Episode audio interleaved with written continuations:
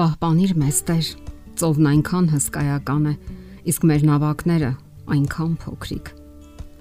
Այս միտքը անգլիական ձկնորսների աղոթքից է։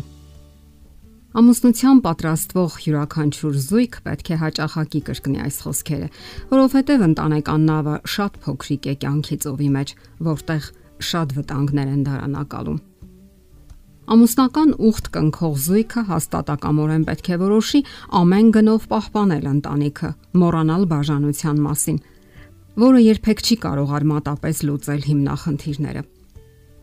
Ամուսնալուծությունը ընդհանրապես նոր դաշտ է տեղափոխում խնդիրները եւ դեռ ավելին նոր խնդիրներ է առաջադրում։ Այսօր շատ մարդիկ են հակված մտածելու, որ բաժանությունը սոցիալական տեսակետից ընդունելի փաստ է։ Դուք ծնվել եք ձեր ընտանիքում, իսկ ձեր ընտանիքը ծնվել է ձեր մեջ։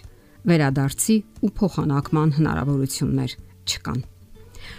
Վիճակագրությունը սարսափելի թվեր է ներկայացնում ամուսնացածների 20-ից 30%-ը, իսկ որոշ երկրներում մինչև 50%-ը ամուսնալուծվում է կամ ամուսնալուծության եզրին է։ Եվ նույն այդ վիճակագրությունը հաստատում է, որ երկրորդ ամուսնության անհաջողության հավանականությունը համարյա երկու անգամ բարձր է առաջինից։ Բազմաթիվ են բաժանվելու պատճառները։ Առաջին պատճառը ամուսնալուծության մատչելիությունն է։ Առաջինը չհավանեցիր, փորձիր երկրորդը եւ այդպես շարունակ։ Մյուս պատճառը ընտանիք երևույթի հանդեպ անհարգալից վերաբերմունքն է, ինչը տարեց տարի ավելի է խորանում։ Եթե տարիներ առաջ տունը գործունեության հիմնական դաշտն էր, ապա այսօր այն ավելի շատ մեկնարկային կամ ստարտային հրաապարակ է հիշեցնում, որտեղ ընտանիքի անդամները մի կարճ ժամանակով կանգ են առնում, լիցքավորվում եւ առաջ սլանում նոր ուժով։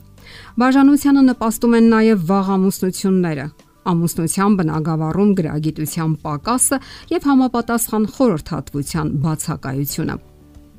Այսօր այն մտայնությունն է, թե ցանկացած մեկն էլ կարող է հաջողության հասնել, լինել իդեալական զուգընկեր առանց առանձնահատուկ նախապատրաստության։ Ամուսնական բնագավառի առաջին հետազոտողներ Բերջեսն ու Կոստրելը հետաքրքիր ուսումնասիրություններ են կատարել եւ դրա հիման վրա հայտարարել, որ առավել կայուն են այն ամուսնությունները, որոնք կնքվել են եկեղեցական պսակադրությամբ ծնողների երկկողմանի քաջալերանքով։ Հասարակության մեջ բացակայում են քրիստոնեական կենսակերպի մասին հստակ պատկերացումները։ Սա եւս բաժանության տանող հիմնավոր պատճառ է։ Շատերն են փորձում ապրել առանց հիմնարար սկզբունքների առաջնորդության եւ անհաջողության են մատնվում։ Կասկածները, հիասթափություններն ու անելանելի վիճակը կրծում են նրանց հոգիները, ստիպելով դիմել աղավաղումների, անօգուտ կերպով փորձելով իմաստավորել կյանքը թմրամոլությունը, հարբեցողությունը, անկանոն սեռական հարաբերությունը, ողքեհարցությունը, քրիստոնեական արժեքների բացակայությունը կազմում են նրանց անկարգ կենսակերպի հիմքը, Դրանցով նրանք հուսահատ ջանքեր են թափում ազատագրվելու ամայությունից ու միայնությունից։ Իսկ ընտանեկան կյանքի մասնագետ Փոլ Փոփենաուն նշում է ամուսնալուծության հետևյալ հիմնական պատճառները։ Սեռական աններդաշնակություն, ազատ ժամանակն անցկացնելու վերաբերյալ տարաձայնություններ, ֆինանսական դժվարություններ, հոգեկան, ֆիզիկական կամ հուզական խախտումներ։ Մեծ մասամբ բաժանությունը թույլ է տալիս լուծել հիմնախնդիրների չնչին մասը։ Իսկ իր հետ բերում է տարապանք, միայնություն եւ անօգնականության զգացում։ Սա նշանակում է, որ զույգը պետք է մեկ ընդմիշտ մի կողմ նետի բաժանության մասին մտքերը եւ չկիրառի այն որպես սпарնալիք։ Հնարավոր է դուք չեք էլ ցանկանում դա, սակայն ձեր հպարտությունը թույլ չի տալիս հրաժարվելու գերլարված պահին ասված խոսքերից։ Շատ մասնագետներ են նշում, որ առավել հաճախ ոչ միայն անհրաժեշտություն չկա ամուսնալուծվելու, այլ նույնիսկ ավելին, այն անցանկալի է։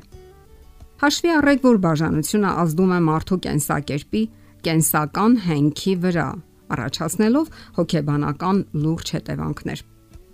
Այդպիսի վերակառուցումը շատ ամուսնալուծվածների վրա թողնում է դեպրեսիվ ազդեցություն, որոնց մեջ որոշակի տոկոս են կազմում հոգեկան խանգարման սահմանին հասած ինքնասպանները կամ այլևայլ հիվանդություններով տառապողները։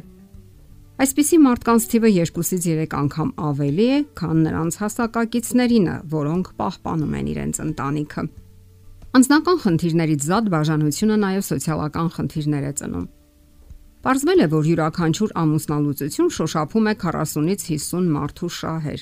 Եվ սա այն դեպքում, երբ նշանավոր հոգեբան դոկտոր Կարլ Մենինգերը կանխագուշակում է, որ մոտ ապագայում այս կամ այն ձևով ամուսնալուծության հիմնախնդրին կբախվեն համարյա բոլոր ընտանիքները։ Հասարակական կյանքի ծովում իսկապես մեծ ալեկոծություններ են կատարվում, իսկ մեր նավակները շատ փոքրիկ են։